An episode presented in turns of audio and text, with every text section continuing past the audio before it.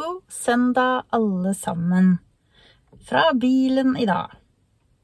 Ehm, på årsmøtet for et par uker siden så hadde jeg en andakt om at Gud forlater oss ikke. Og jeg har lyst til å fortsette litt på den tråden der. For det er jo noen som velger å forlate trua. Og jeg har flere venner som hadde opplevelser med Gud da de var ungdommer, men som voksne så har de forkasta trua. Hva er det egentlig som gjør at man har en tru som bærer? Da jeg var ungdom og ung voksen, da var jeg veldig aktiv, eller brennende, som man kaller det på litt sånn kanonspråk, da, i mitt kristenliv. Jeg brukte i en periode ikke noe tid på TV, men leste heller i Bibelen. Og jeg snakka med mange om Gud, og om hvorfor trua mi var så viktig. Og jeg brukte mye tid på å skrive lange brev, også til folk jeg ikke kjente. Med oppmuntringer og med bibelvers. Jeg var i det hele tatt så mye mer til stas um, for andre og for Gud enn jeg på mange måter føler at jeg er nå. Og så har jeg prøvd å se gjennom livet og se hva som er årsak til det her. Og det er klart, man blir voksen, og har, man får barn. Mange gjør det. Og noen får mange, sånn som jeg har gjort. Og kanskje blir man litt mindre åpen på noen måter.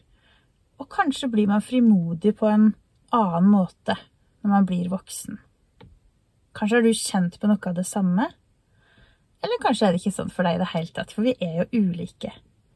Men i livet sånn generelt så er det jo sånn at når vi nærmer oss 40 eller, eller blir eldre enn det òg, så kan man kjenne på at livet går jo jammen fort. Det kommer ikke til å vare evig, det her.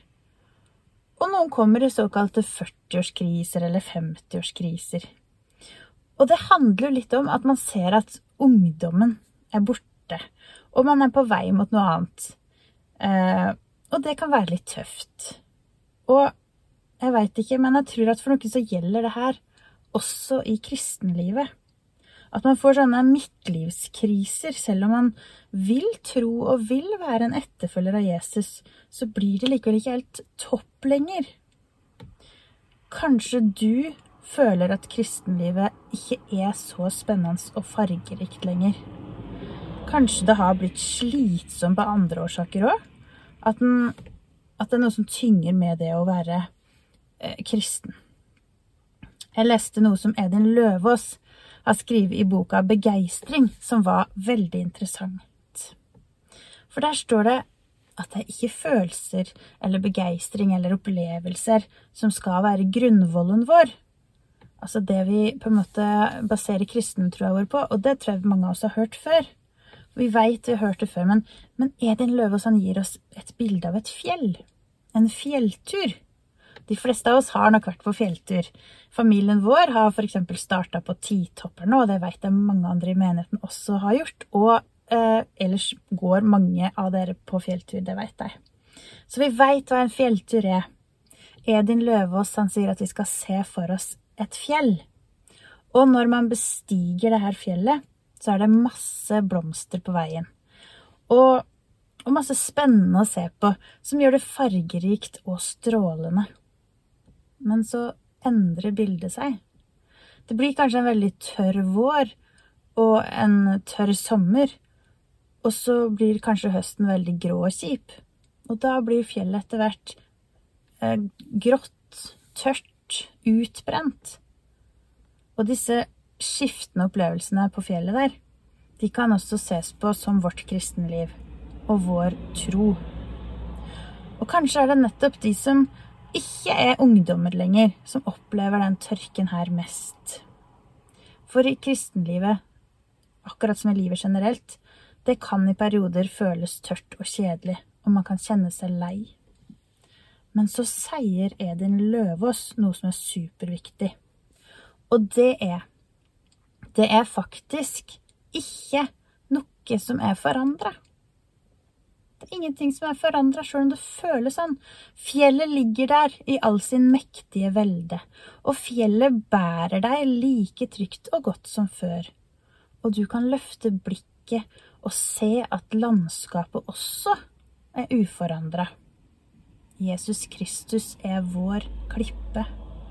Og Gud, vår Far, er vårt fjell. Hans kjærlighet til oss forandrer seg ikke. Følelsenes blomster, altså det som gjør det fargerikt, da, og opplevelsenes blomster, de visner kanskje. Men grunnfjellet, det ligger der. Frelsen holder. Og den hviler i Kristus sjøl.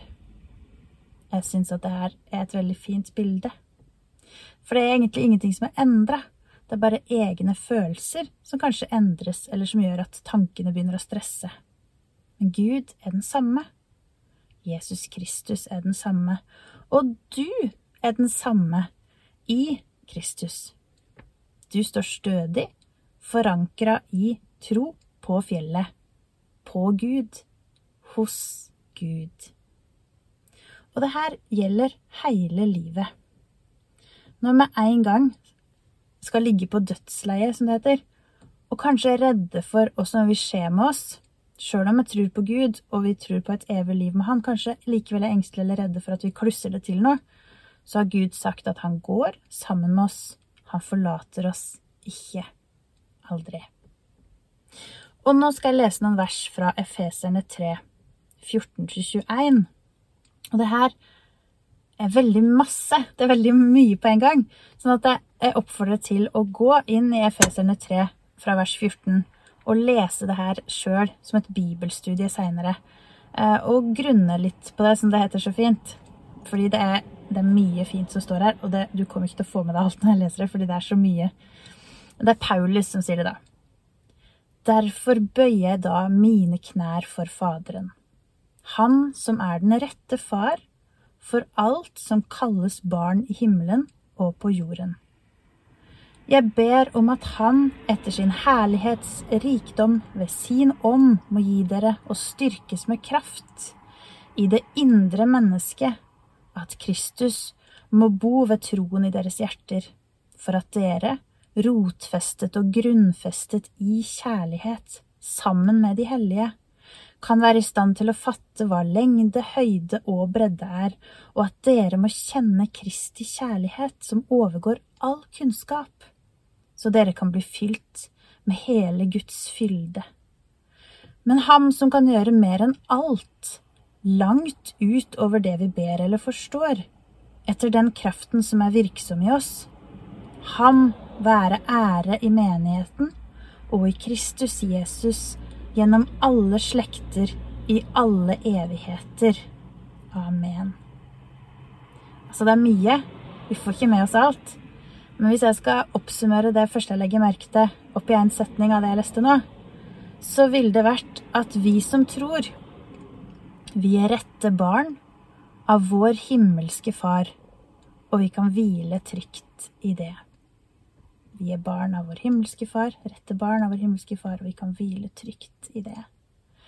For vi er Guds barn. Vi veit jo det. Og han er med. Men hvorfor er det da perioder i livet der virker, altså der Gud virker fullstendig fraværende? Nå skal jeg fortelle en historie fra da jeg var ungdom, eh, som eh, Altså, vi hadde et tverrkirkelig ungdomsmiljø der mange hadde blitt kristne, og de kom ikke alle fra kristne hjem. Vi hadde opplevd en vekkelse, som det kalles så fint, der mange hadde sagt ja til å tro på Jesus og følge Jesus eh, og ta imot. Um, og det resulterte i at det var veldig mange supergira folk. Sultne på opplevelser og samhold, og det var kjempefint å være sammen den gjengen. Og veldig mye bra skjedde. Utrolig masse fint. Vi opplevde under og mange gleder, og i ettertid så har dette ungdomsmiljøet med denne vekkelsen resultert i en del pastorer, eh, i hvert fall én misjonær, eh, og veldig mye bra, da. Um, og så har jeg noen minner som jeg undrer meg litt over. Hva var det som skjedde egentlig der? Var det bra, eller var det ikke så bra? Sånn har sikkert du da noen sånne tilfeller. En sånn opplevelse hadde en gang, da vårt flerkirkelige ungdomsmiljø da, fikk besøk av et team utenbys fra, med en veldig karismatisk leder som kalte seg Hyrde. Og de kalte han Hyrde, de som var med òg. Ikke med navn, men kalte han det, og som helt klart ble sett opp til, beundret og talt godt om av de som kjente ham og kom sammen. Jeg hadde aldri hørt om en kirkeansatt som ble kalt hyrde, så for meg så, så var det også Jeg ble sånn undrende av det. Hvem var den her mannen?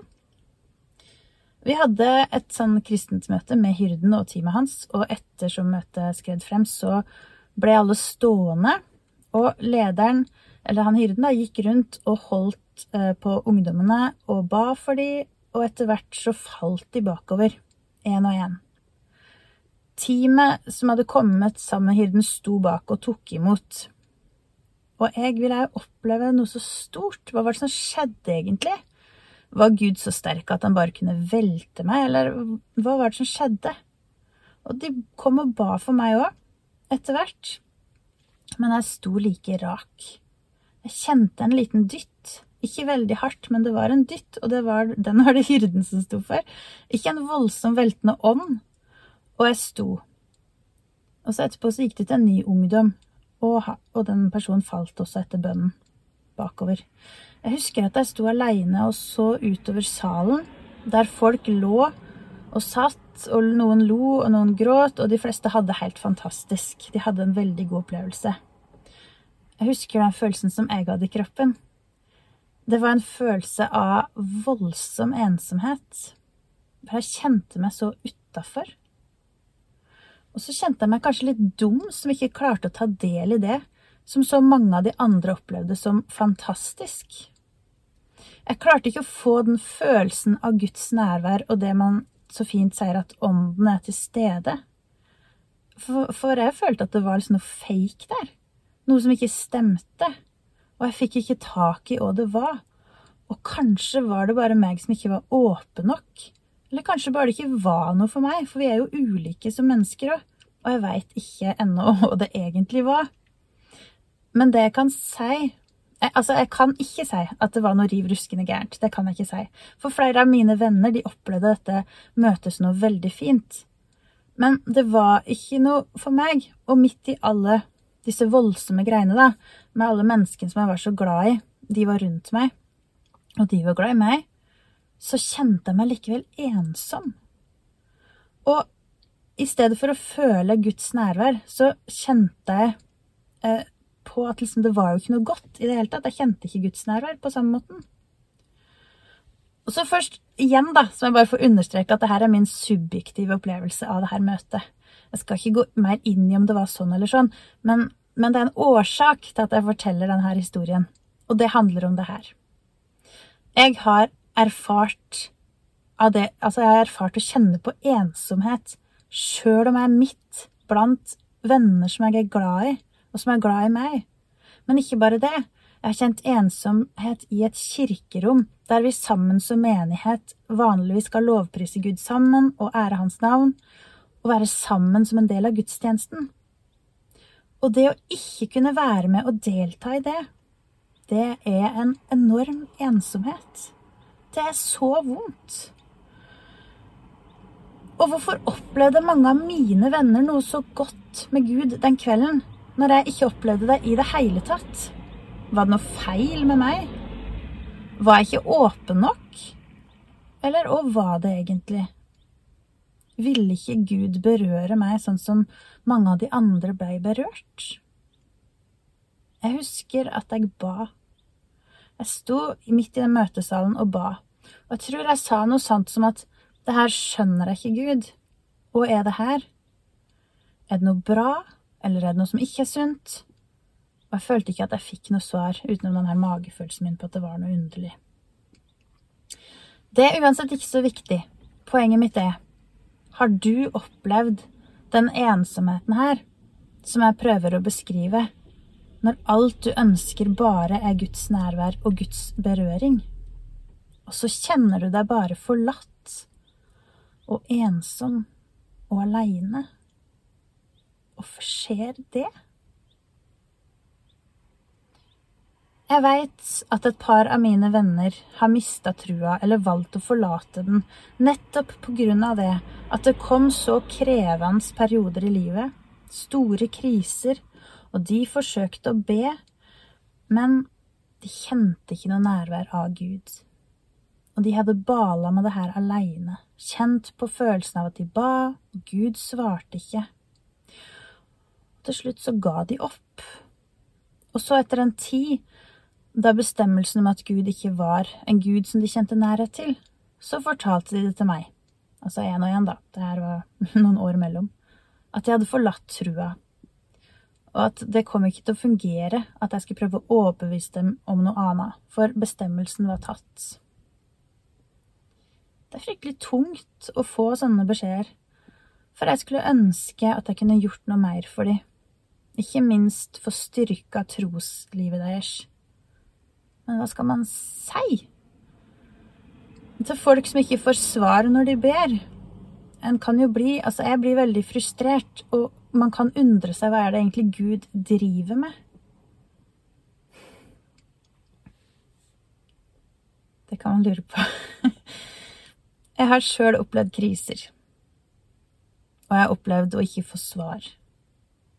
Men likevel, på en merkelig måte, så opplever jeg at jeg står stødig på det fjellet, det som Edin Løvaas beskriver. Jeg kan ikke alltid forstå hvorfor Gud velger å gjøre som han gjør, eller av og til virker helt borte, men jeg tviholder på at han ser meg, og at han vil meg det beste allikevel. Edin Løvaas refererer i en annen bok til en tverr og bitter fyr som heter Asaf i Salme 73, vers 23. Asaf, han sa, Men jeg blir alltid hos deg, du har grepet min høyre hånd.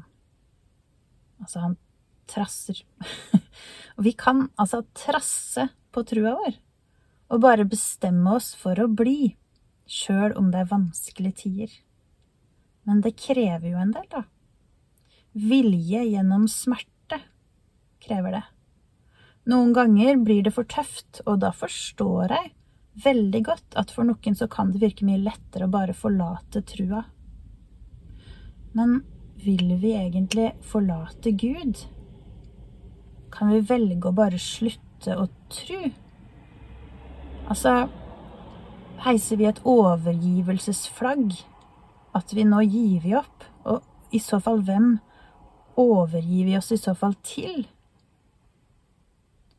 Johannes i Bibelen forteller det her. En gang så vil Gud tørke tårene dine og stryke deg over kinnet. Og det med de samme hendene som skapte himmelen og jorden. Og disse hendene de samme hendene som krummet seg i smerte da det ble spikra inn tjukke nagler i dem. Disse hendene vil holde rundt ansiktet ditt og tørke bort tårene for alltid. For noen mennesker blir livet bare smerte. Noen er født inn i elendighet krig, sult, vondt. Og noen her, til og med i Norge, opplever fryktelig mye vondt. Hvorfor? Det er helt umulig å forstå. Men ja, vi har fått løfte om at Gud er med på tross av alt som virker motstridende med det utsagnet. Nå skal jeg lese noe Max Lucado har skrevet om 11. september, da tvillingtårnene falt. 11. september 2001. Det er en historie, da. Frank Sileccia knyttet støvlene sine en septembermorgen i 2001, satte på seg hjelmen og dro av sted fra hjemmet sitt i New Jersey. Som bygningsarbeider fikk han sitt levebrød fra å bygge og skape saker og ting. Men som frivillig i ruinene av World Trade Center strevde han med å finne noen mening med det hele. Han håpet å finne et levende menneske. Det gjorde han ikke. Han fant 47 døde. Blant alt det i stykkerslottet fant han imidlertid et symbol et sju meter høyt kors av stålbjelker. Da det første tårnet hadde falt sammen, var det blitt skapt et primitivt rom i virvaret. Gjennom den støvete soloppgangen i dette rommet fikk Frank øye på korset. Ingen vinsj hadde heist det på plass, ingen sement hadde festet det. Jernbjelkene sto der helt uten menneskelig hjelp.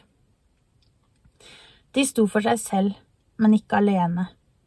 Andre kors hvilte spredt rundt det store, forskjellige størrelser, forskjellige vinkler, men de var alle sammen kors. Flere dager senere skjønte ingeniørene at bjelkene i det store korset kom fra to forskjellige bygninger. Da det ene falt inn i den andre, ble de to bjelkene sveiset sammen av ilden. Et symbol i ruinene. Et kors midt i krisen. Hvor var Gud i alt dette, spurte vi. Denne oppdagelsen med korset gjorde at vi torde å håpe. Han var midt oppi alt.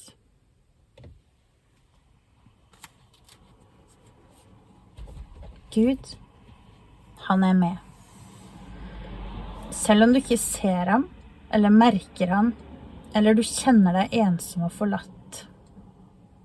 I siste vers i Matteus så står det at Jesus er med alle dager. Han er med deg. Uansett om du føler at han er der, eller ikke føler det. Vi er plassert her på jorda fordi Gud ønska oss her. Du står stødig oppe på fjellet sammen med Gud, uansett hva dine følelser måtte fortelle deg. Om du føler deg dum, annerledes, ensom, aleine, forrådt, sliten, eller hva du enn måtte føle, det spiller ikke noen rolle. For så lenge du tør å stole på at han er der og ser deg, sjøl om du ikke kjenner det, så holder det. Og som jeg sa på andakten under årsmøtet, så kjente jeg ei som som hylte til Gud om nettene, som gråt og var fortvila og ropte til Gud om fortvilelsen. Og det er lov. Jeg tror Gud setter stor pris på masse følelser òg. Jeg håper i hvert fall det.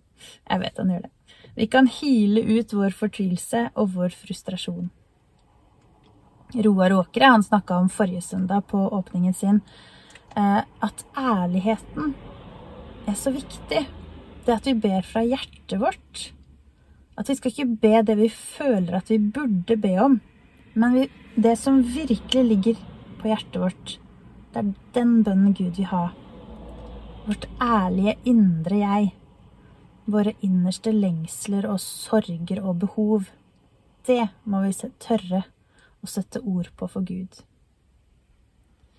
Og så en viktig ting til slutt. Det er ikke sånn at de som tror mest og best, er de som har den sterkeste trua. En sterk tru, det er ikke noe vi kan skaffe oss ved å være klok eller begavet. Nei, trua, troen, er en gave til deg og meg fra Gud. Og en gave, den kan man jo velge om man vil motta eller å returnere. Og vanligvis så tar man jo imot en gave. Troen må mottas. Det er kjærlighetens prinsipp. Om du ønsker å tro, men ikke opplever noe åndelig vekst eller noe svar, men derimot en sånn tørr, livløs tilværelse, så ikke gi opp. Gud er der sjøl om vi ikke ser ham, merker ham eller føler at han er til stede. Jesus er med deg alle dager inntil verdens ende. Skal vi be. Himmelske Far. Jeg ber deg om at hvis det sitter noen og hører på nå som, som eh, kjenner seg aleine, og at det er tørt og det er fargeløst, og, eller kanskje føler at de ikke får svar, så vil jeg be om at du må vise at du er nær, og sende mennesker. Send oss. Jeg ber deg om at du skal gi oss styrke hver dag Takk for at vi veit at du går med oss sjøl om vi ikke merker det. Takk for at vi kan stå trygt på deg og hvile på deg. Takk for denne dagen. Takk for livet vårt. Takk for at vi har fred i landet. Takk for at vi eh, kan få være dine barn. Amen.